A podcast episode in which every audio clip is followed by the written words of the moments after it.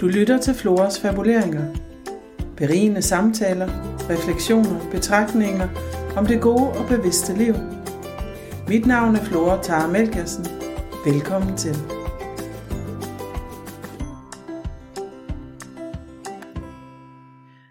Så rigtig hjertelig velkommen til Floras fabuleringer, hvor jeg i dag har fået inviteret forfatter og historiefortæller Hanna Snarderdottir fra oprindelig Island, men ikke nu, med til, at vi skal snakke om den her virkelig spændende bog, Nordisk Gudindekræft i solhjulets myter.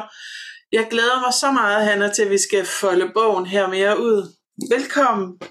Tak skal du have, og i lige måde. og tak fordi du har inviteret mig her.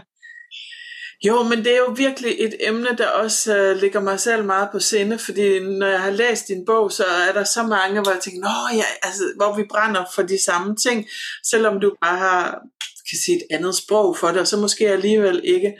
Øhm, jeg kan jo fortælle dig sådan helt, helt skævt, der, der hvor jeg kommer fra i Sønderjylland, har de noget, der hedder vikingespil, og der har jeg været med i flere år, som træl. som træl? det var, hvad jeg blev til jer. Så, men det er en helt anden fortælling. Men i dag skal vi snakke om din bog, og til at starte med, Hanna, så tænker jeg, at det kunne være lidt spændende at høre, hvordan du overhovedet er kommet ind på at begynde at skrive om Gud indekraft og den oldgamle mytologiske fortælling, som bor i, i vores nordiske historie, fordi du kommer jo ud af noget helt andet. Ja, det gør jeg jo egentlig. Jeg kommer jo egentlig fra en meget kristen familie. Ja. Og, men det, det, der sådan egentlig var udgangspunktet for mig, det var, at, øh, at jeg kommer egentlig fra noget af den nordiske tradition, uden at mine forældre måske vil bekendes ved det. Fordi at øh, både min far og min mor, de fortalte historier om alfa og trolde. Så da vi, vi var ude at rejse forskellige steder i Island, jamen så fortalte de om, øh, om øh, klipperne, som øh, jeg, jeg nok kunne se er lignende trolde. Og det kunne jeg godt se, og så sagde min mor, jamen det er jo fordi, at troldene, det går jo løbet af natten. Og så har lige præcis det her trolde været så uheldige, at, øh, at solen kommer og stod op. Og så blev det jo til sten. Så jeg var faktisk et eller andet sted enormt taknemmelig for det her trolde, at de, de, de døde, altså så jeg kunne nyde synet af det. Og, og det kunne jeg se, jeg kunne se næsen og øjnene og, og alt det her, der var i de her trolde. Og min far, han troede så inderligt på alfa han var overbevist om, at det fandtes i virkeligheden. Og han havde et hav af historier, som han fortalte. Og det er jo den urgamle øh, vanetradition, som det stammer fra, alle de her folkesavn og historier. Så, så jeg fik ligesom på den ene side kristendommen øh, med modersmalten, men jeg fik så sandelig også den, den ældste tradition i Norden med mig. Fordi i virkeligheden var det to traditioner. Det var vanetroen, og så den øh, religion, som havde med aserne at gøre, som var patriarkalsk. Og så har vi så i dag den moderne asertro, som er noget helt tredje. Så, øh, men mit udgangspunkt egentlig for at skrive den her bog, det var øh, på et tidspunkt, der, der følte jeg, at de arketyper, kvindearketyper, som jeg var vokset op med, de, de var som en spændetrøje for mig. Og det var jo den perfekte moder, ligesom ja. i Maria, Jesus mor, den kunne jeg overhovedet, hende kunne jeg overhovedet ikke spejle mig i. Fordi jeg synes, at jeg var alt muligt andet, og jeg var en skør mor nogle gange, som hæv med børn ud i skoven for at lave bålceremonier og, og fortælle nogle vilde historier, og, og øh, altså vores Lucia-faster, de, øh, de blev til noget helt andet lige pludselig, hvor, hvor min øh, datter nægtede at være Luciaen, hvor vi så jagtede børnene ud i skoven, øh, altså hvor, hvor en af mine kammerater så tog Lucia øh, kransen på og, og, øh, og, kar, og den her hvide kappe på og sådan noget, og, og så blev det nærmest til sådan en, øh, til en fangelej ude i skoven i stedet for.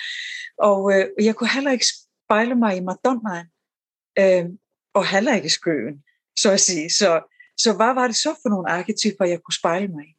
Ja. Og øh, da jeg så begyndte at læse den nordiske mytologi, så synes jeg et eller andet sted, at det var skrevet meget ud fra et mandligt blik. Meget også ud fra krigsskodernes blik, læsernes blik. Ja. Men alligevel, så var der en fli af noget. Altså, der var jo Edun, den store healer med hendes øh, uh, ungdommens æbler, eller de helende æbler, som gjorde, holdt uh, ligesom giftfingrene, eller de kogede giftfingre i ave, og, og, og alt det her, den her ryg, som nogen uh, døjer med. Altså, uh, Øh, det kunne hun jo hele via hendes, øh, hendes Eduns æbler. Og, øh, og så så jeg jo Freja som den store vølve, som viskvinden. Og helt som hende, som kan gøre mig helt, hvis jeg, hvis jeg tør fagne mine skygger i kærlighed. Mm. Så lige pludselig var det, at øh, altså selvfølgelig gennem samtaler med mange af de viskvinder, jeg har i mit liv, der begyndte hele den her, øh, de her øh, nordiske arketyper at folde sig ud for mig. Og, øh, og så ledte jeg og ledte efter nogle bøger, øh, som havde ligesom beskrevet de her arketyper med fortællinger. Ja. Og den kunne jeg ikke finde. Til gengæld så så jeg, at der var mange religionshistorikere, som jeg har kontakt med i dag, både fra Island og fra Sverige og fra Danmark, som øh, havde skrevet om dem. Mere ud fra et arkeologisk og et religionshistorisk øh, og lingvistisk øh, synspunkt. Og så begyndte jeg sådan at kigge på, hvad de havde skrevet, og, og jeg begyndte at kigge på kilden, øh, altså Snorre Attan og det gamle, at, at den ældre Atter. Og lige pludselig, så kunne jeg se, at øh, jamen, de var jo genter. Men øh, og jeg skulle lige så få dem ud, øh, ud fra mit kvindelige synspunkt. Ja. Og så håber jeg på en eller anden måde at kunne, kunne inspirere, så der er flere kvinder, der også begynder at se dem ud fra deres kvindeliv, og fra det, de har oplevet. Og det giver ja. vildt god mening, øh, øh, fordi hele bevægelsen, også som jeg ser det i samfundet, er, at, at vi begynder at bevæge os ind i en mere feminin tid. Og, og ja. det flere, der taler om, men jeg kan rigtig godt lide den der tankegang om, at det allerede ligger i vores urbevidsthed. Der er jo masser ja. af fortællinger også øh, om kong Arthur og hele ja det er den der fortælling, som jeg har været meget fascineret af med de kvindesamfund, der var bagved om, omkring alle de her gudinder, som faktisk var med til at støtte hele hans rejse. Og, og så ja. det er enormt inspirerende også. Jeg var ikke klar over den der forskel på vaner og, og aceton, men jeg har lyttet meget til en amerikansk øh, forsker, kan vi godt kalde ham, en af de der, der er meget frem i tiden, Greg Braden, hvis du kender ham. Ja, ja, lige præcis. Og han taler jo lige præcis om det samme, som du starter med også at skrive et sted i bogen, det her med, at hvis vi ser på de urgamle billeder, så var der ingen våben. Så var det faktisk et fredeligt samfund, hvor det maskuline og det feminine var balanceret og, og ja. havde lige meget værd. Ja.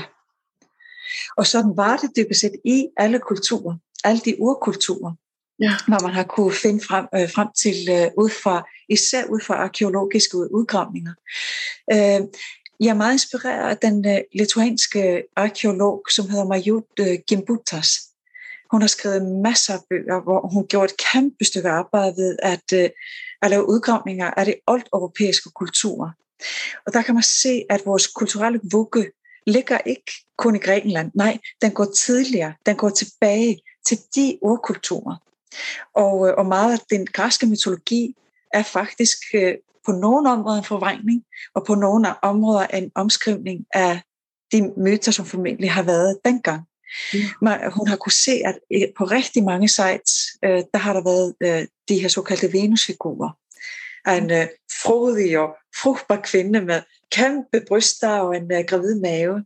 Ja. Og, øh, og det er næsten sådan, som når man kigger ned på sig selv, når man er gravid. Det er sådan, det ser ud. Det har sådan lidt sjove proportioner. Og øh, hun, øh, hun har også beskrevet øh, det sted i Anatolien, i, øh, i Tyrkiet, øh, som hedder Kartal Huyuk, og jeg udtaler det sikkert helt forkert. ja. Men øh, det, altså, det blev meget beskrevet ud fra de gamle patriarkalske briller øh, i begyndelsen. Men så begyndte man faktisk at se, at der var fravær af noget. Og fraværet af det her noget, det var, at der var ikke nogen mure omkring den her by. Og, øh, og man kunne se, at skeletterne, altså, de var afgået ved naturlig død. Der var ikke nogen kranier, der var brugt, eller altså, øh, der, var, der var ikke nogen voldshandlinger, som man kunne se på de her på de her grave.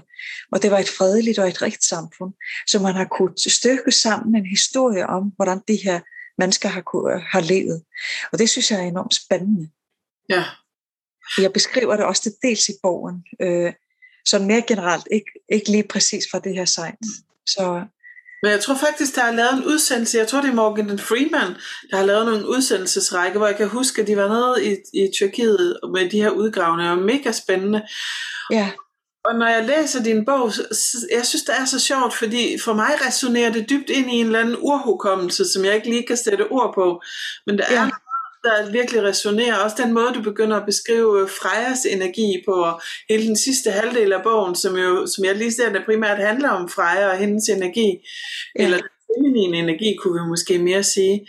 Og, ja. og det samfund, så, som, så er det da mærkeligt, at vi i årtusinder har været sådan et andenrangskøn. Det forstår ja. jeg faktisk ikke, når jeg sådan lige sådan kigger på det, vel? at det der mærkeligt at i den verden og et samfund, hvor der er forskel. Lige præcis, og jeg tror også, at man har forstået dengang i de kulturer, at en fugl kan ikke bare flyve med den ene vinge. der er altså nødt til at være en balance.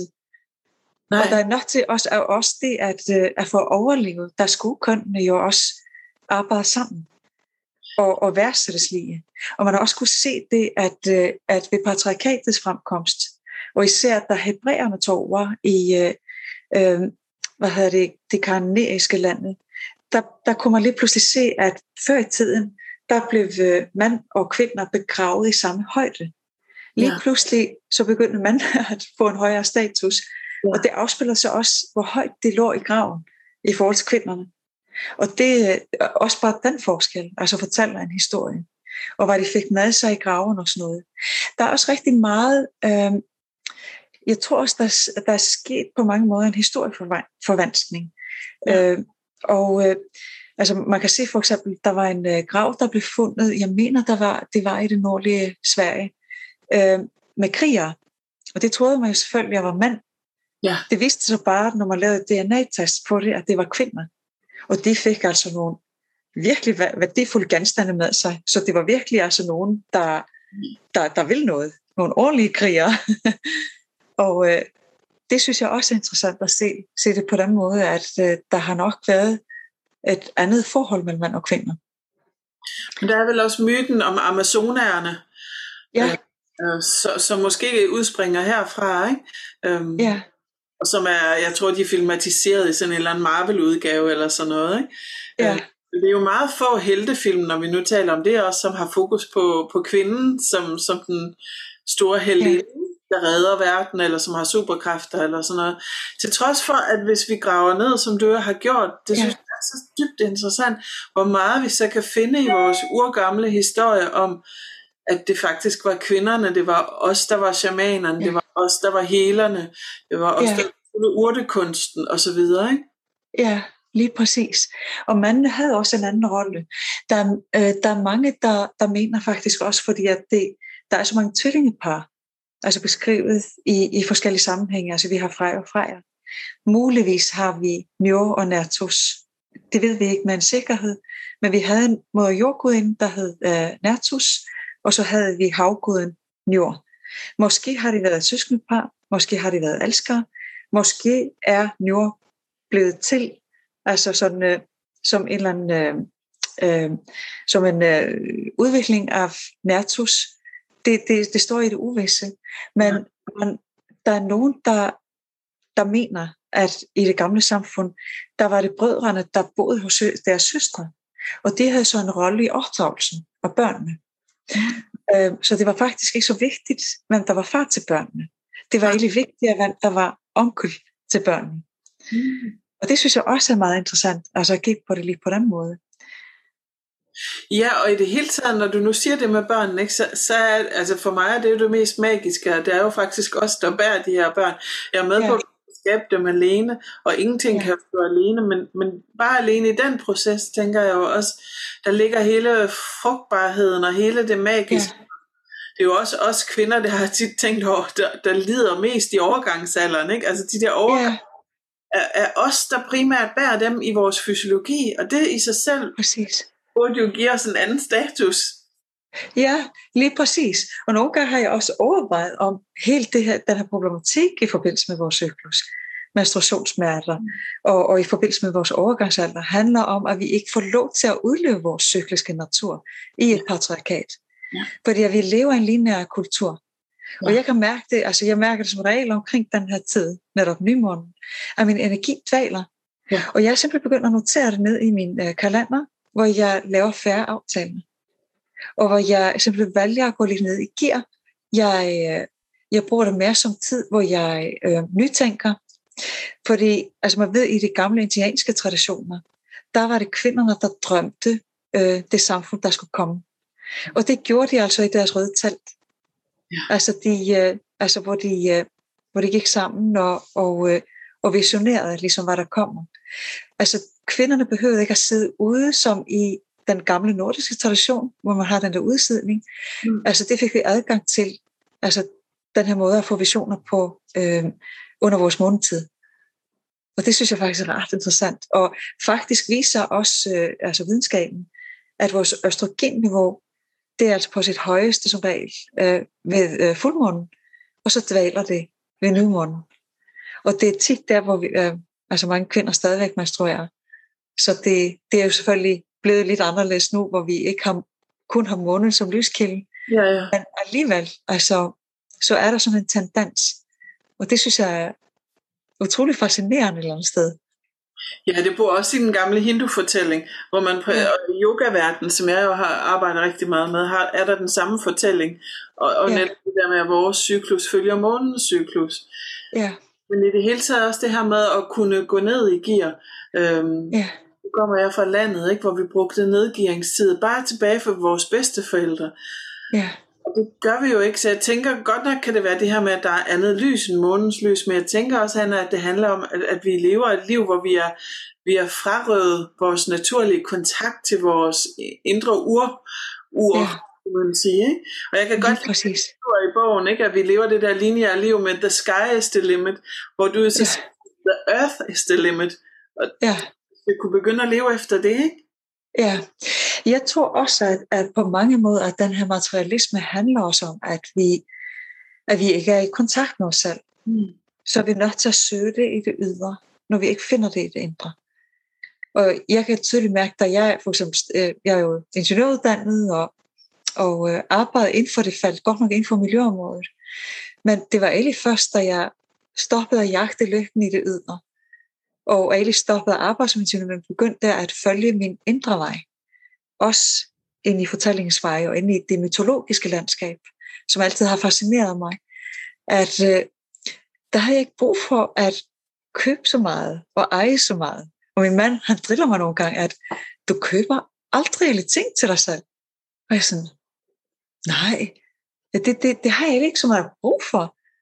Altså, når jeg har naturen herude, og når jeg har fuglene, der kan gang mig på vej, og når jeg har mine myter, altså sådan, øh, og, og den kontakt, og det, så, så stopper jagten derude.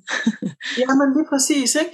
Så, så det er vel også et eller andet sted sådan en, en jagt på noget, vi ikke helt er bevidst om, fordi det ligger nede i vores urhukommelse. Så i stedet for at jage det ydre, skulle vi måske mere vende blikket indad og finde ind til den her men nu får jeg sådan en eller anden billede af, når du taler om Yggdrasil og livets træ, at, at i bund og grund har vi vel også sådan en, en livets træ i os selv, som er vores indre kropsstamme. Ja, lige præcis. stilling, ikke? Hvor, hvor jeg tit i tale sætter det her med, at kroppen er stammen, og, og, og ja. din bevidsthed er at kronen, du kan sætte på, på dig selv og dit liv. Lige præcis. Og man kan se, altså man kan se vi går ud fra rigtig mange forskellige perspektiver. Og det er også nogle gange sort og et frø. Ja. Altså så bliver til et kæmpe stort træ. Og du ved det ikke, når du vandrer det, og når du øh, nærer det. Men du kan bare mærke, at det er et indre frø ind i dig selv. Det er noget, der er frugtbart. Det er noget, øh, der repræsenterer livskraften i dig. Og for, altså for mig var det dansen. Det var virkelig, altså jeg dansede mig ud af en svær depression, det beset. Ja. Og, øh, og jeg dansede mig ud af, altså jeg dansede mig ind i den, det mytologiske univers. Jeg dansede med Freja, jeg dansede med Hel, jeg dansede med alle de her gudinder. Øh, og jeg begyndte mere og mere at skabe øh, dansemeditationer ud fra gudinders univers og ud fra de myter, øh, som talte til mit kvindeliv og, øh, og mit liv i det hele taget. Det var også tit dansen med mændene i mit liv og, øh, og til kærlighedskraften og, og, ja. og, og til det, hvad ægte kærlighed er for mig. Og, øh, og det blev altså ligesom en spire, som jeg nærede og som jeg vandede, som så blev til uh, storydancing og, og til nordisk gudindekraft til min bog og til mit fortælleunivers, hvor jeg underviser andre mennesker i at tabe ind i det her ursprog og tappe ind i det her, som jeg kalder at, at være i mytos. At være i sin essens. Kom fra sin kerne. Kom fra hjertet med fortællingerne.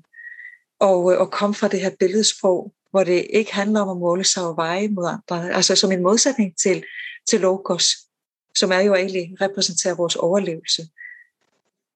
Ja, og det er der, hvor jeg tænker, måske du kunne sætte lidt flere ord på, hvordan kan vi som sådan moderne mennesker, der, der er så optaget af arbejde og præstation, hvordan kan vi begynde at forstå de her urgamle fortællinger og myter, som bor inde i mytologien? Hvad, hvad, vil være dit første bud? Nu nævnte jeg Yggdrasil, fordi jeg synes, det er sådan et smukt billede, og det er noget af det første i din bog. Så jeg ja. siger, det giver så god mening, det her med rødderne og, og med fortællingen om kronen og, og ærnet, der løber imellem. Præcis, og det er netop det er et rigtig godt billede, du kommer med, Flora, der. Fordi det er netop, altså jeg vil nemlig også sige, tage udgangspunkt som det første i livstræet. Det findes i alle kulturer. Vi har det som ask Yggdrasil i det nordiske, men det er netop altså at mærke rødderne, mærke jordforbindelsen. Hvad er det, der giver dig jordforbindelse? For mig var det faktisk nogle gange at tage strømperne af og gå mm. meget langsomt ud på jorden. Og, og når det var koldt, altså om vinteren, der var det egentlig at gøre det på det trægulv, jeg havde i min lejlighed. Og, og virkelig at mærke, hold op, jeg har, jeg har mine rødder, jeg er jordforbundet. Og jeg brugte det rigtig meget, fordi jeg var så nervøs, da jeg fortalte historier. Og ja. da jeg stod på scenen. Så jeg brugte det hver gang ligesom for at jordforbinde mig selv. At forestille mig, at, at jeg fik ligesom de her rødder under, under, øh, undersiden af mine fødder. Og, øh, og så var det også for mig meget at forbinde mig med de dyr, der er i, øh, i Aske Yggdrasil. Altså ørnen, der, der sidder på toppen af øh, kronen af træet og skuer over verden, og, og, øh, og så repræsenterer det maskuline for mig. Den øh, enorme maskuline kraft, som vi alle sammen har, om vi er mænd eller kvinder. Ja. Det at have et overblik, det at have klarheden i, i vores tanker, øh, det at øh, ligesom øh, være handlekraftige. Og nogle gange at have det der altså dræberinstinkt, det kan også være godt at være på sin plads en gang imellem. Øh, og så at øh, komme i kontakt med slangen, altså som øh, snor sig og vibrerer og smider hammen ved roden af, øh, altså ligesom ved rødderne af, og stammen af, øh, af livets træ. Det er det feminine, altså den der langsomt, der kunne glæde frem, altså at kunne mærke sig selv, kunne øh, være i øh, intuition, altså kraft, at øh, kunne transformere sig indefra og ud. Og det er også den der enorme skaberkraft, ja. som slangen også repræsenterer for mig. Så det er ligesom at kigge på de to sådan, uh, modpoler. Hvornår ja. er det, at de samarbejder? Og hvornår er det egentlig, at de, uh, de modarbejder hinanden? Hvornår er vi egentlig i uh, den sårede slange? Altså hvor vi alle begynder, at uh, slangen begynder at snå sig om navnet og bliver til navlepilleri. oh, godt ja. Hvor vi bliver ligesom er fuldstændig fanget i følelsernes vold, hvor vi ikke kan magte os selv længere. Og øh, bare for at give et eksempel, hvor vi ligesom bliver ofre for vores egen livshistorie. Hvor, ikke, hvor vi ikke forholder os skabende til den. Og så omvendt med ørnen, det er, hvor ørnen får en stakket linje og, øh, og hvor det kun gælder overlevelse. Og hvor man øh, altså ligesom øh, klarheden forsvinder, og hvor man grubler over nogle, øh, øh, nogle gammel uret, der er begået i fortiden. Og øh, man bliver fuldstændig fanget i den op i hovedet, op i tankerne, eller man projicerer et eller andet ude i fremtiden. Altså, måske som en overspringshandling. Man kan sige, det er der, vores samfund har bevæget sig hen, ikke? Lige præcis. Måder, i hvert fald, ja. Ja, lige præcis. Så det er ligesom sådan, hvornår er vi offer, hvornår er vi bødel, og hvornår er vi egentlig slangen og ørnens hele aspekter. Så, så en, du også taler om, det er jo igen det der med balancering, så det starter vel som en indre proces i at blive bevidst om, hvordan er bevægelsen i mig imellem, imellem rødderne og imellem himlen, ikke? Jo, lige præcis. Mellem ørnen og slangen, og, og hvordan forbinder vi de to energier i hjertet? det er jo ærerne. Ratatosk, gnavtanden, som den kaldes. Ja. den, der ligesom er budbringeren imellem ørnen og slangen. Og, øh, og nogle gange så, så visker den måske noget til ørnen. ørnen bliver sur på slangen, og begynder sådan at baske med vingerne, og øh, giver han lige en på nakken, ikke? Og så bliver hun sur, og, øh, og så bliver ærerne helt vildt øh, uroligt, og, og så må det ligesom finde ind i hjertet, hvile, hvile i uh, hullet i hjertet, ja. og finde ro, og så ligesom male imellem de to. Kender vi det ikke også lidt i vores eget liv? Jo, hvor, jo. Hvor vi går i krig med os selv, ikke? Når det er det maskuline, der bare siger, nu skal vi være handlekraftige, og, og, og slange, der siger, åh oh, nej, jeg skal bare hvile lige nu. Eller hvad det nu kan være. Ja, og jeg bliver jo optaget af det, fordi at, at det er jo mytologien, og på mange måder, så, så kan vi jo se, nu sagde du hjertet, ikke? og der er meget af den her moderne forskning, der jo viser, at også de her urmennesker havde en dyb forståelse af, at hjertet, og hvordan hjerte og nervesystem hang sammen, og det du sidder og beskriver, der tænker jeg i nervesystem, som jeg lige har siddet og skrevet om i min bog, der er på vej. Ikke? Så ja. jeg har præcis det samme, den der ligge død mekanisme ved rødderne, og, og meget, for meget aktivitet i toppen, og så er hjertet ligesom den, der skal ind og balancere imellem de to. Ja, det er sådan kamp, øh, kamp flugt, og så død, er, er, er ligge død. Ja, lige ja. og hjertet ja. er balanceringspunktet. Så, ja, så, det parasympatiske nervesystem. Ja, kontra det sympatiske. Ja. det, er det er jo ret sjovt, at det også egentlig kan, kan kobles over til vores fysiologi på den måde, de fortællinger, der bor i mytologien, ikke? Ja, lige præcis. Men det kan det så absolut, altså for det er jo ligesom, om vi reagerer via kamp, altså ligesom ørnen, eller via flugt, ligesom slangen. Ja. Altså så udspringer det jo fra det samme. Det er jo vores, stress, vores stressrespons, eller ligthed, altså mm. hvor vi udskyder stressresponsen til et senere tidspunkt, kan man sige. Ja, lige præcis. Ja.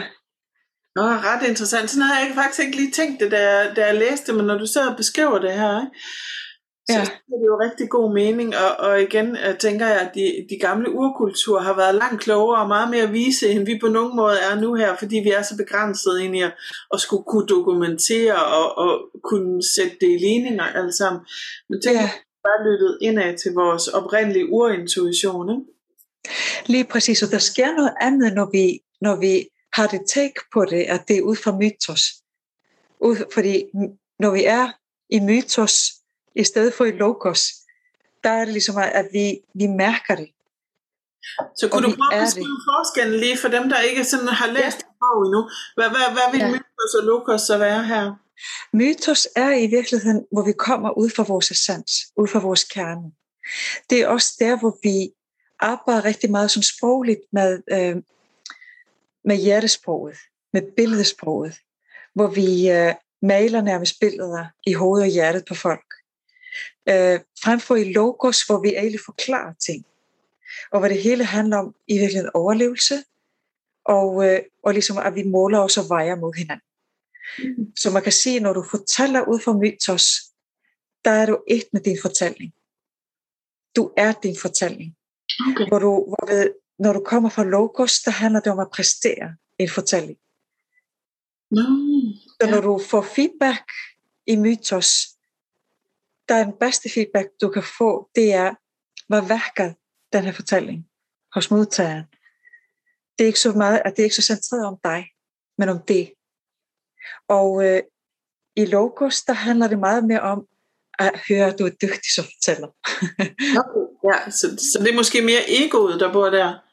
Ja, det kan man vel sige. Det er, det er selvet kontra egoet. Så det, det giver rigtig god mening, den der bevægelse mellem selvet og egoet. Men, men hvis du så skulle prøve at beskrive, hvordan kommer, kommer det feminine og urkræfterne ind? Et af de steder, hvor jeg i hvert fald også kunne se, at du, du inddrager meget naturen, og det tænker jeg jo helt, helt oplagt. At så ja.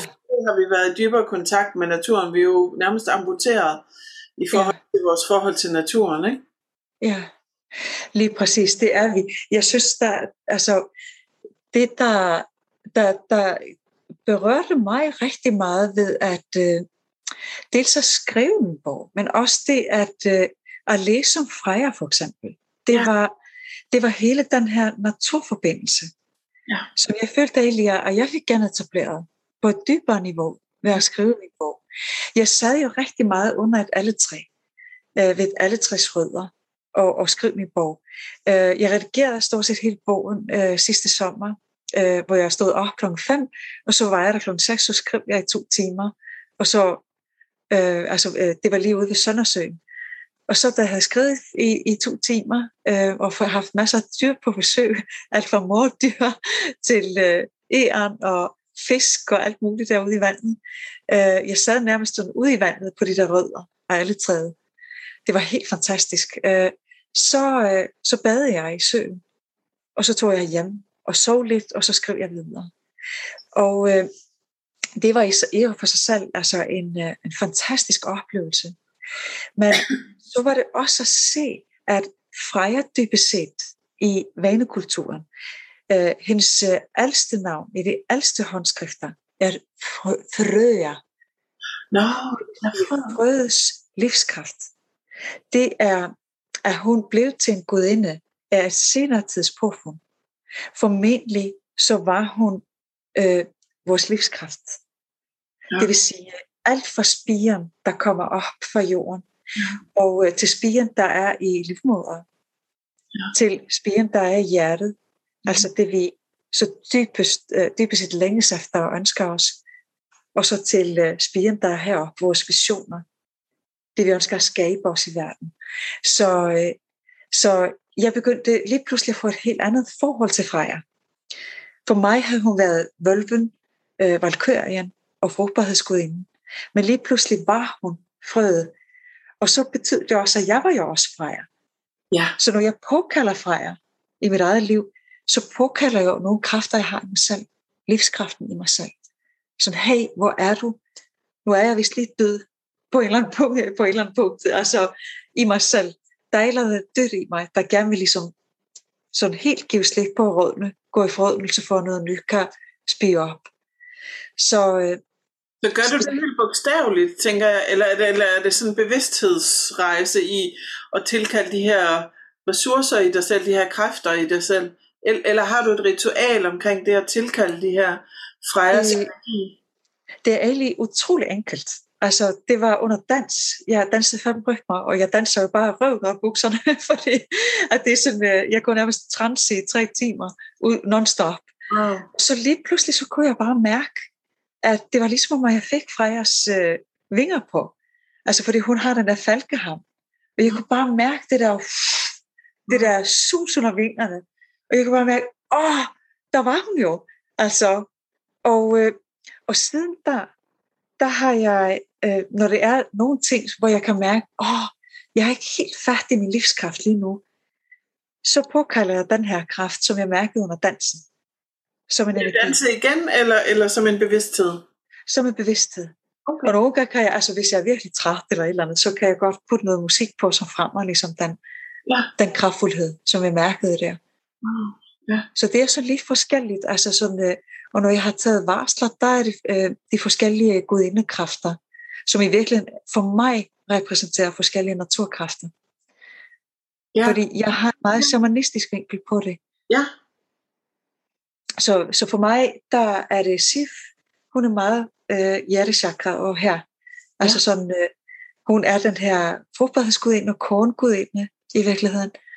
Øh, og for mig er hun også den der naturkvinde, der bor ude i Taksdale, ude i skoven.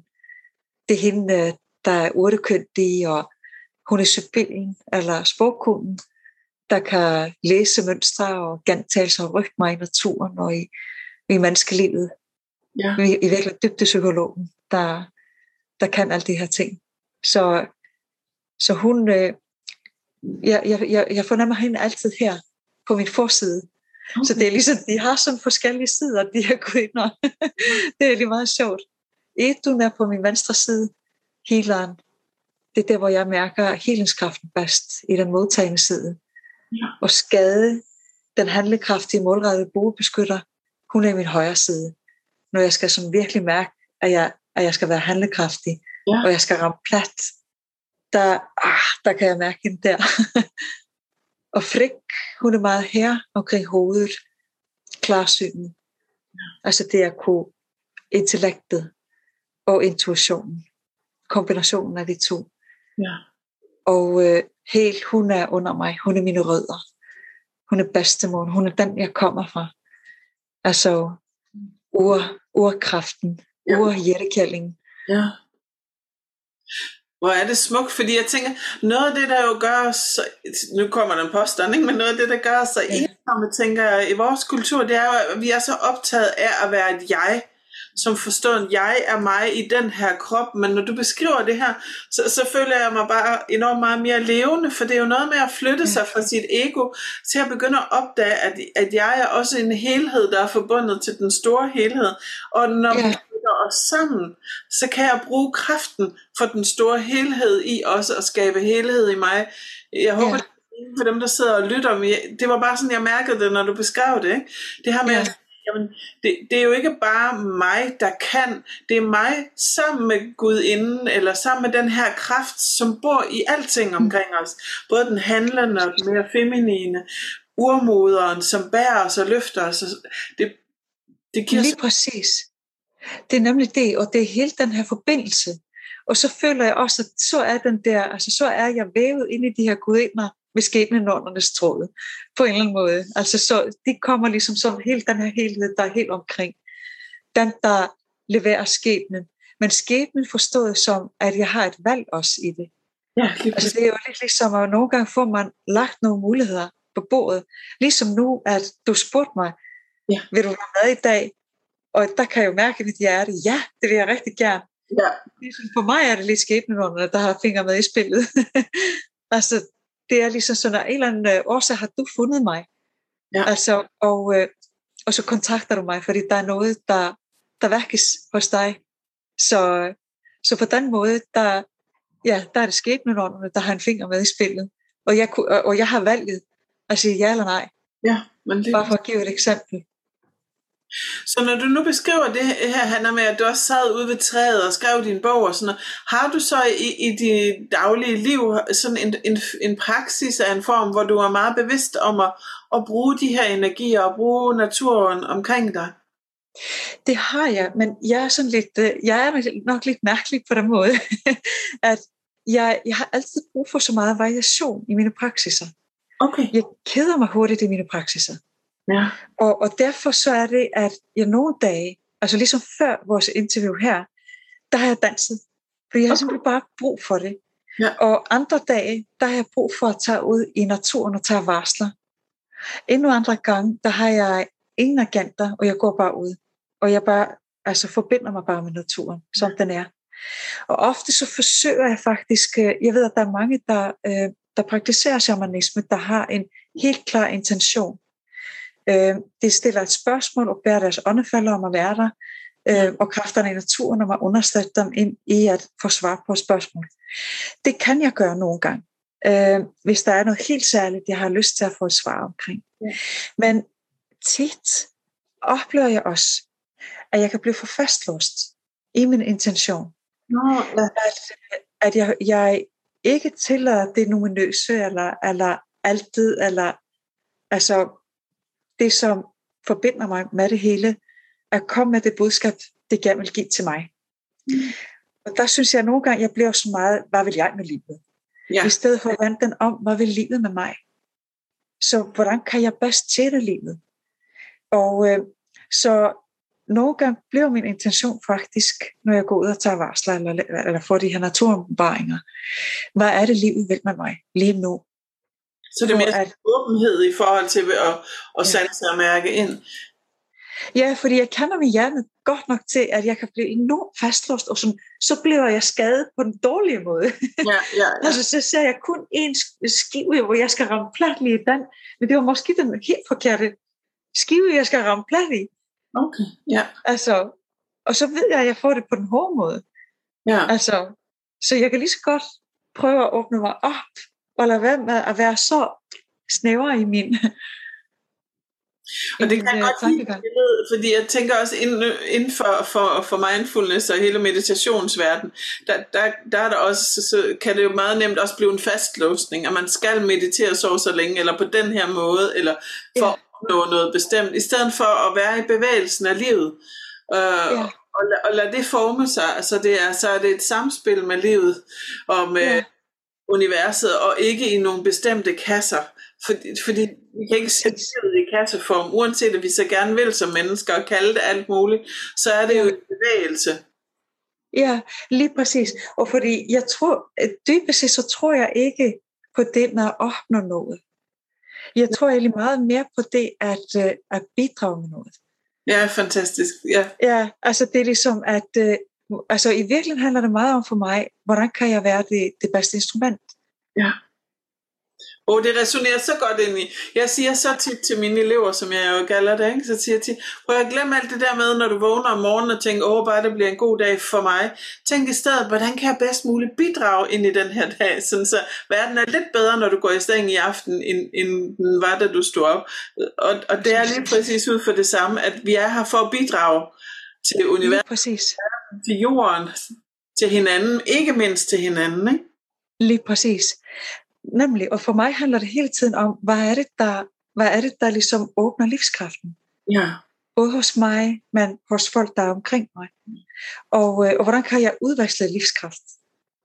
Ja. Altså i gensidighed. Og på den måde er jeg måske lidt uh, sådan uh, speciel lærer, fordi at, uh, at jeg, jeg gider ikke at blive sat på en piedestal. Nej, det, nej. det orker jeg simpelthen ikke. Altså, øh, så det handler hele tiden også om den ligeværdighed. At øh, jo, man indtager selvfølgelig rummet som lærer, men, øh, men det handler meget mere om at værke, altså læreren i folk, ja. fortælleren i folk. Men altså, det er jo også et meget feminin princip, tænker jeg, fordi også de, der har brug for at sætte sig selv op på en pedestal som lærer, øh, griber for mig også den maskuline energi i det, fordi når vi ja. tænker på de urgamle øh, healingskvinder eller kloge kvinder, så var det jo ikke nogen, der satte sig selv op eller skulle tilbedes.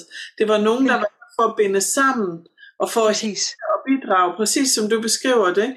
Øhm, og det er jeg selv meget bevidst om, fordi vi kan så nemt, hvis vi er i den her bidragende rolle, som du også er nu, ikke? komme til at sætte os selv op på en pedestal, og, og det er for mig virkelig meget det maskuline princip. Så det der ja. med at sige, vi er alle sammen ens, vi er i den ja. samme bevægelse, og det handler om, hvordan det synes jeg var et smukt, du sagde med at vække livskraft i hinanden, det er jo faktisk smukt ja. ting.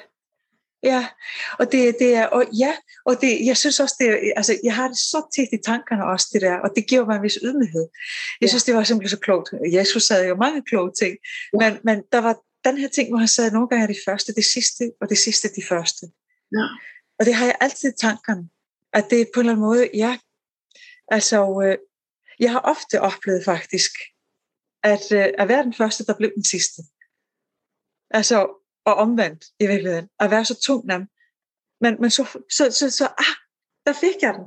der forstod jeg den langt om længe. Ikke? Ja, ja, ja. Og det giver mig en vis ydmyghed, at uh, vores læringsveje er vidt forskellige.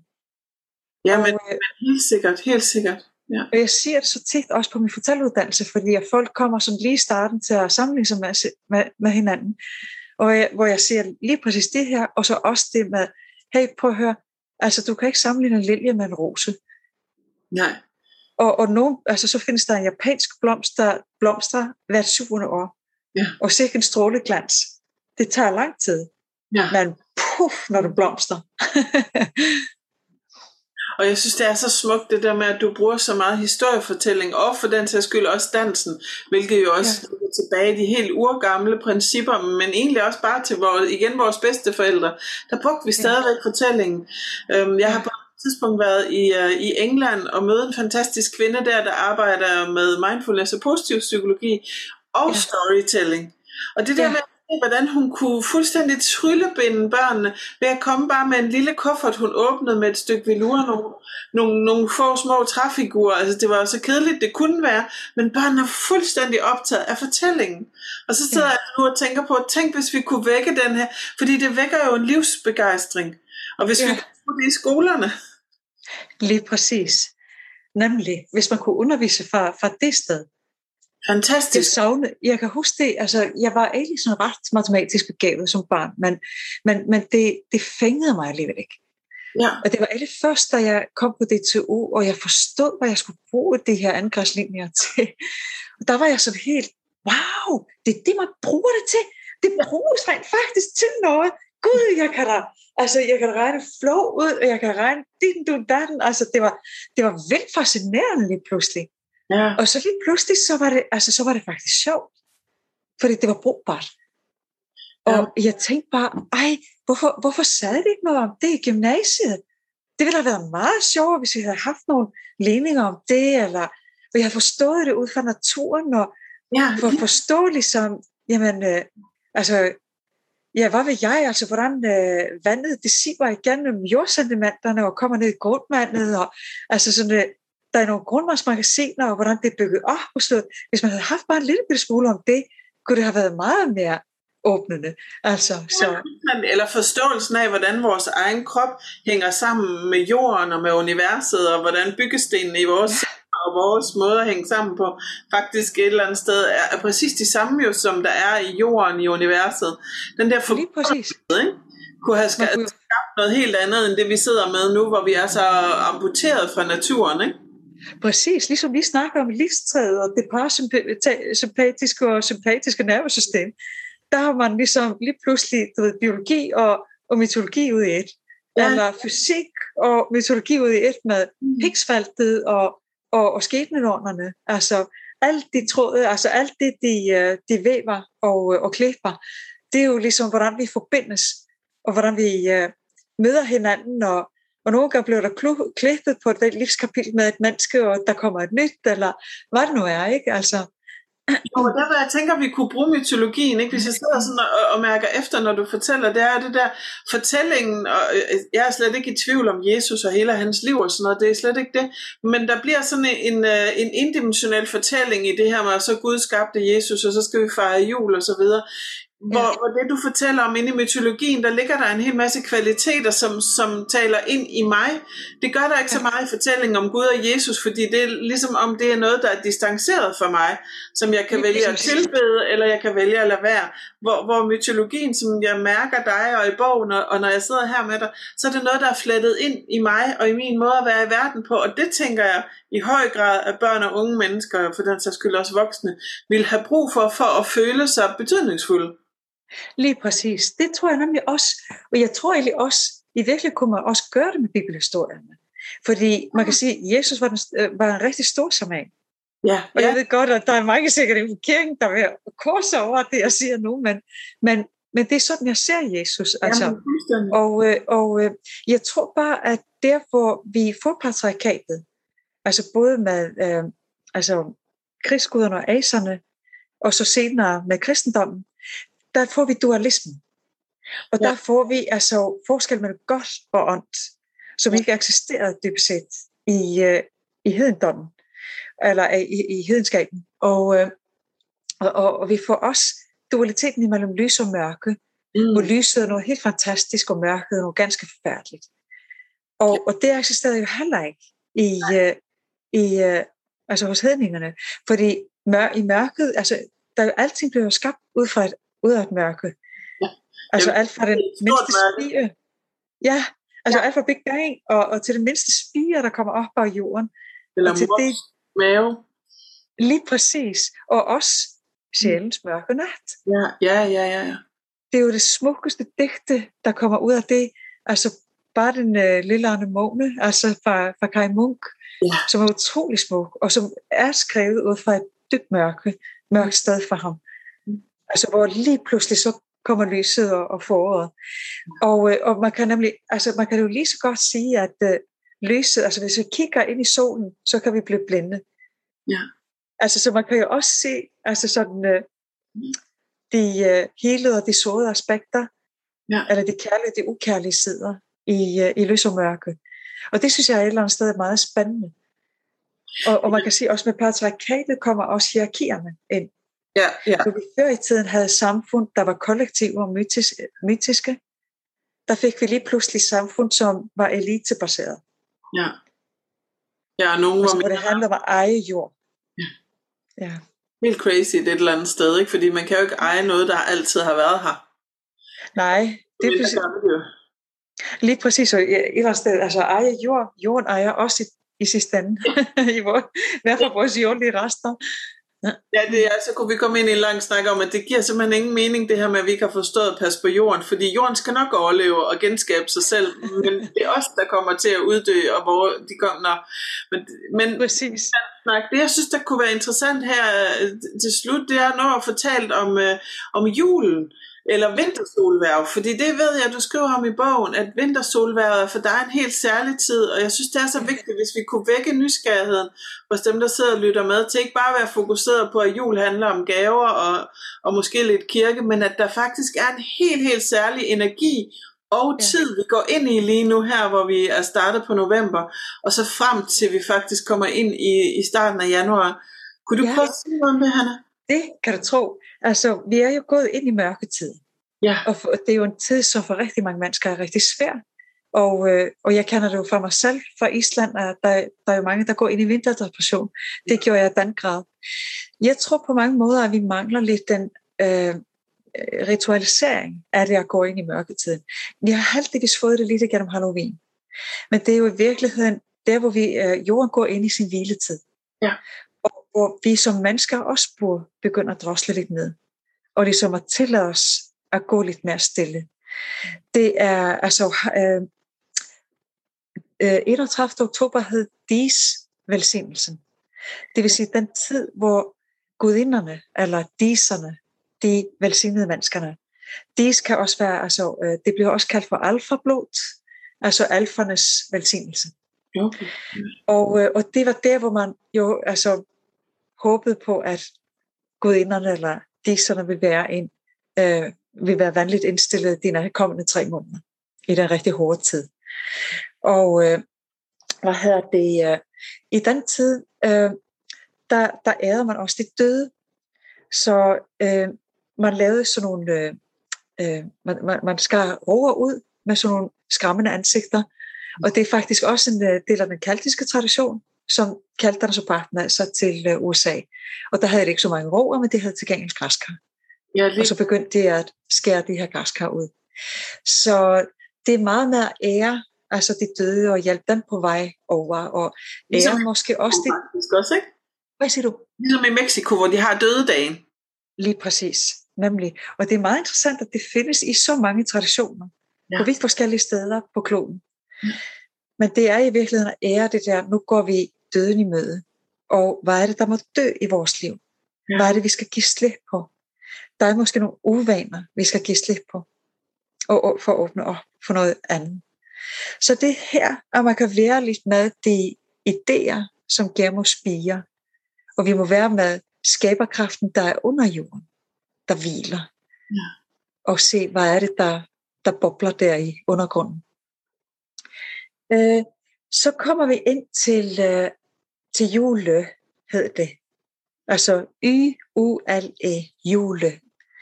Øh, som julen stadigvæk hedder øh, i, i Skandinavien. Og øh, det var så, man kaldte det for at drikke jul. Hvad? Og øh, at drikke jul. Og drikke jul. Så, ja, og det var simpelthen fordi, at man havde de vildeste julefrokoster. Så det er faktisk en urgammel tradition. Man drak, og man hovede, og man, havde det, man havde det sjovt. Ej, jeg ved ikke, om man hovede, men, men man drak i hvert fald. Man ikke, at der var sket også nogle ting og sager, ligesom under nogle af de her julefrokoster, som man hører om. Uha. Nå, det er en helt anden historie. men, øh, men man øh, fik noget sol på kroppen i hvert fald. Ja. Og, øh, og det var... Øh, der er nogen, der siger, at det faktisk var i, øh, i januar, at man havde den her fest. Men der er også andre kilder, der siger, at det var ved vintersolvær. Det var i hvert fald der, hvor man vidste, at øh, nu var den vandt. Nu var dagene begyndt at blive øh, længere. Så det var også sådan en lysfest. Det at, øh, at fejre øh, solvandingen. Solkvarf, altså som det hedder på islandsk. Øh, det betyder solvanding. Ja, det er så smukt, som du beskriver i bogen, hvordan du tænder lys i hele dit hus. Øhm, det Ja. tror jeg faktisk, jeg vil til at indføre, fordi jeg tænkte, wow, det må være helt fantastisk at bare tænde milliarder, han sagt. Men bare tænde Ja. masse du fejrer lyset er, er på vej tilbage, som en reminder om, at, at der altid er både mørke og lys, men lyset altid er der inde i os, ikke? Lige præcis. Og så synes jeg, altså det var ret spændende. Øh, Kirsten Brunsgaard Clausen, hun er religionshistoriker, dan, dansk bogen i Sverige. Øh, jeg er meget inspireret af hende. Hun øh, skriver de mest fantastiske artikler, øh, altså hvor hun går virkelig ind i den feminine tradition og, og vanekulturen. Hun har virkelig lavet banebrydende arbejde inden for den shamanistiske kultur, der var i Norden omkring vanerne. Og hvad hed hun, siger du? Øh, Kirsten Brunsgaard Clausen. Okay. Ja. Og hun har skrevet så i en bog omkring uh, Bridget, som var en kaltisk gudinde, at øh, der var øh, omkring Lucia. Og, øh, og det var et helt andet billede af Lucia, end det øh, gængse, som jeg har fået. Uh, fordi Lucia findes stort set kun i Norden, og bliver fejret i Norden. Og hvordan er det vandret? Det er lidt en myte. Og, og det, der er der rigtig mange af de her religionshistorikere, der har spurgt sig selv, hvorfor i alverden fejrer, det, fejrer vi det i Norden? Men der findes så en sted, hvor der står Brejdo på i Sverige.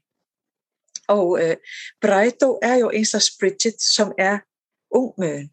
Altså lidt ligesom Idun. Øh, altså sådan øh, den øh, ungdomlige gudinde, som er forårsbrudbringer. Mm. Og Mon der er, altså, fordi Lucia er jo altid, det er altid en ung kvinde.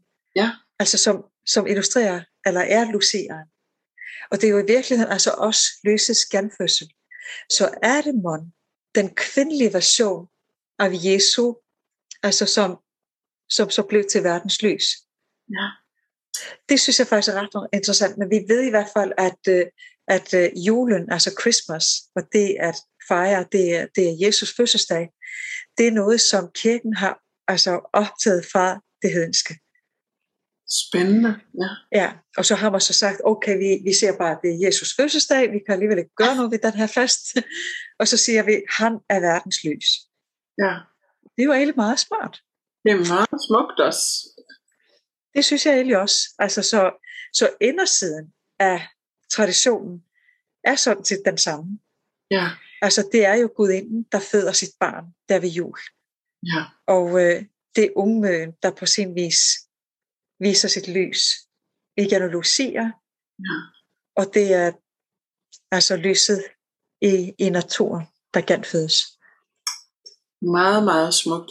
Så det ja. håber jeg inderligt, at dem, der sidder og lytter med derude, Hanna, at de vil tage med sig nu i den her tid, der kommer, og, og pille uh, lidt af alt det der pakkeræs, og i stedet for at prøve at ære de traditioner, som det kommer ud af. Jeg ved også, du skriver noget i bogen omkring det her med julebukken jo faktisk var Tors buk oprindeligt, ja. og nisserne. Det vidste jeg nu faktisk godt, at nisserne var husalfer, som vi tilbad for, at de ja. skulle at være gode. At vi prøver at huske, at der bor en masse traditioner i det her med at åbne os op til vores eget fortælling. Lige præcis. Og man kan sige, at adventskransen, det er jo solhjulet. Ja, ja. Det er jo det nordiske medicinhjul. Det er ligesom, hver årstid har sin medicin. Ja. Med kraftdyr og... Og det er jo op til os selv at finde ud af, hvad det er for os. Ja. Men vi kan jo mærke det altså i naturen, i årstiden. Ja. Og så bringer vi også livstræet ind i stuen. Ah, ja. jeg, køber, jeg køber altid et, som man kan aflevere tilbage. så kommer det tilbage og bliver genplantet i skoven. Ja, ja det er jo også... kommer et par dage, og så ryger det ud igen øh, og bliver plantet igen. Ja, og så får jeg lyst til at sige, når, når vi nu beskriver alle de her urgamle traditioner, og hvordan de faktisk stadigvæk bor i os, uden vi måske er bevidste om, så får jeg lyst til at minde folk om, der sidder og lytter med, hvorfor giver det mening for os at tage hul på og holde fast i den, de her fortællinger? Det gør det jo faktisk, fordi vi også i dag for forskning ved, at vi arver rigtig mange ting, og ofte går det mange ja. generationer tilbage. Så når vi sidder fast i noget i vores liv, så er det måske ikke lige her, vi skal finde ud af årsagen eller løsningen. Måske ligger den i at forstå det, jeg kommer ud af tilbage. Og her taler vi altså ikke kun mytisk, ja. her taler vi rent fysiologisk.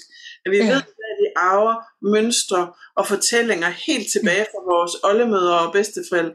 Så der er virkelig noget virkelig vigtigt i at begynde at forstå, hvad vi kommer ud af, og de fortællinger og myter. Nemlig. Det er nemlig super vigtigt, og jeg, jeg hørte faktisk, øh, det var også en ingeniør, der fortalte mig her forleden, at øh, altså, som jeg synes gav epigenetikken, som du taler om netop, øh, et, en helt anden vinkel.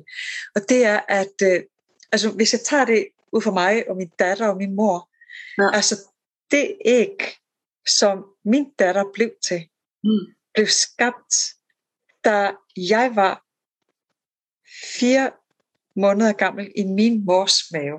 Lige præcis. Ja. Er det ikke vildt? Jo, det er jo lige præcis det, der er så fantastisk magisk. Og det vil sige, at du er formet, din datter er formet af din mors energi, fra da du ja. lå med din mor, og så videre, og så videre. Og det, jeg synes, det er så vildt. Ja, øhm, ja. virkelig. Så, så det synes ja. jeg, at uh, vi skal huske at, at holde i hævd, at der ser ud til den nyeste forskning også, at der er langt større sammenhæng mellem det lille foster og moren, og hvordan foster og moren udveksler faktisk celler, og at ja. fosteret faktisk sender celler ind i morens blodbane, der kan være med til ja. hele, hvis moren hun uh, har en eller anden ubalance i sig, og så videre, så vi egentlig bærer vores børns celler med os hele livet. Og så begynder det også mening, hvorfor vi er så forbundet til de der skide børn hele livet. Ikke? det er også helt vildt ja. at tænke på. Ja, og det er rigtigt. Jeg mønstre med og sådan noget. Men, men jeg havde bare lige brug for at sige det her til sidst, Hanna, for, for at folk skal huske, at det er derfor, det er så betydningsfuldt at forstå, hvad vi kommer ud af. Ja. Og så vil jeg gerne her til sidst lige igen minde om bogen, fordi noget af det, jeg synes, der er så smukt i din bog, det er, at efter hvert afsnit, så har du skrevet sådan en refleksion ind. Ja sådan så myterne hele tiden det bliver, bliver til noget, jeg kan bruge brugbart i mit eget liv. Og sidde og sige, ja. ja, hvordan forbinder jeg mig med historien om livets træ gennem min meditation, og hvad er mit ja. forhold til slag, ja. til ørnen og sådan. Det synes jeg virkelig, at det gav så god og giver så god mening for mig, når jeg sidder og læser bogen. Jeg tænker, ja, wow. Så glad for at høre. Det bygger så lidt på en grundvegansk øh, tankegang, og det er, ja.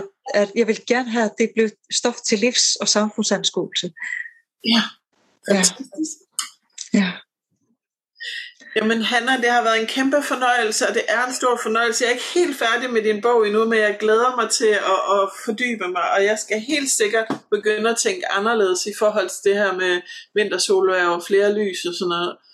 Så, så tusind tak for, at du ville være med her. Det var så dejligt. Tusind tak for invitationen og for samtalen. Det var så dejligt.